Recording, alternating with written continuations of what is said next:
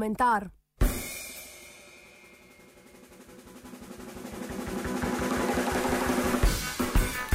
Zakaj dobrodelnost ni dobro delo?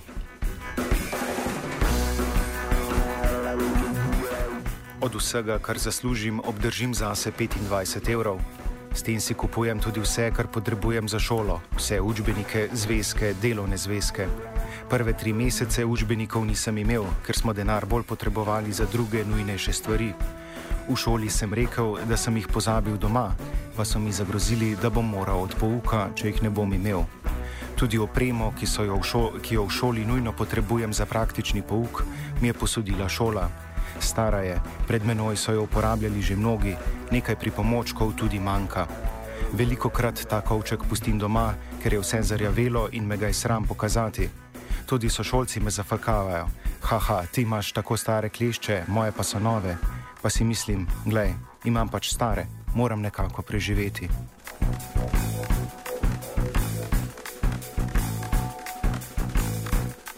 Operacija je bila posledica te deložacije. Preveč sem se namreč sekiral, živčen sem bil tako, da sem se kar tresel. Joka, jokal sem vsak večer, ker sem vedel, da če ne grem delat, bomo teže preživeli naslednji mesec, da morda ne bom imel denarja niti za vozovnico, ki jo potrebujem za šolo.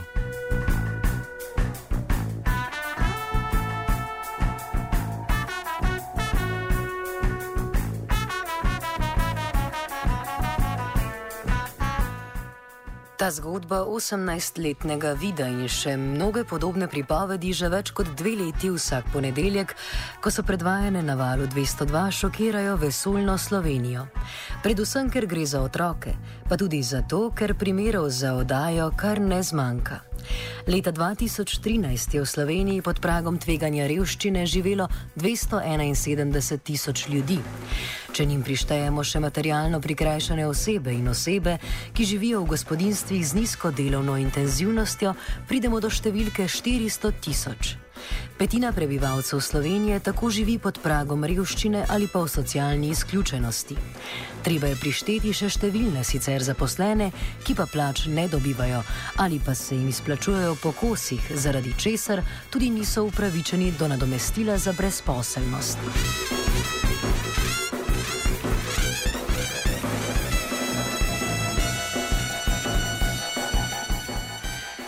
Kaj nam torej omenjena oddaja in če smo iskreni, celotna ideja dobrodelnosti ponuja kot rešitev?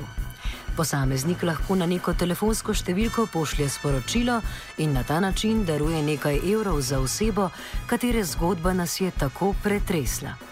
Problem, ki je več kot očitno sistemski, se torej rešuje z enkratno pomočjo. Na ta način se niti približno ne izboljša položaj ostalih nekaj sto tisoč ljudi, ki živijo v podobni stiski, niti se v resnici ne izboljša položaj tistega, ki mu je denar namenjen. S tem denarjem namreč ne rešimo težave pri zgoraj omenjeni zgodbi, recimo brezposelnosti staršev, oderuških najemnin in podobno, pač pa le podaljšamo in na kratki rok malenkostno olajšamo življenje v bedi. Ideja za tako dobrodelnostjo je popolnoma enaka tisti, kot je, ki jo je UNICEF pred leti pozival, naj darujemo nekaj evrov in tem kupimo vrečo riža za anonimnega afriškega otroka, ki je po možnosti v nekem zakotnem begunskem taborišču. Na ta način smo mu bedno, brezperspektivno življenje podaljšali za še nekaj tednov, izvora njegovih težav pa nismo niti približno rešili.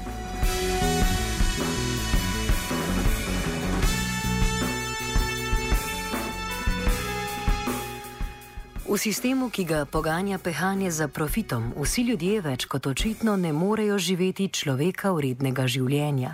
Zato naj bi bilo sedaj na nas, tistih, ki nam gre malenkost bolje ali vsaj ne tako zelo slabo, da pomagamo sočloveku v stiski.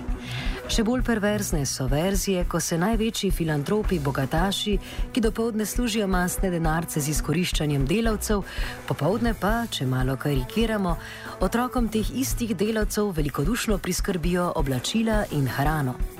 Naslednja stopnja so podjetja, ki jezdijo na občutku krivde in slabe vesti, ter nakup njihovih izdelkov predstavljajo kot način pomoči potrebnim, saj gre od vsakega izdelka določen odstotek ljudem v stiski. Tako naj bi s čim večjim trošenjem, na katerem temelji kapitalistični produkcijski način, reševali ravno tiste, ki jih ta sistem proizvaja in je od njih odvisen. Vendar pa je to že druga zgodba.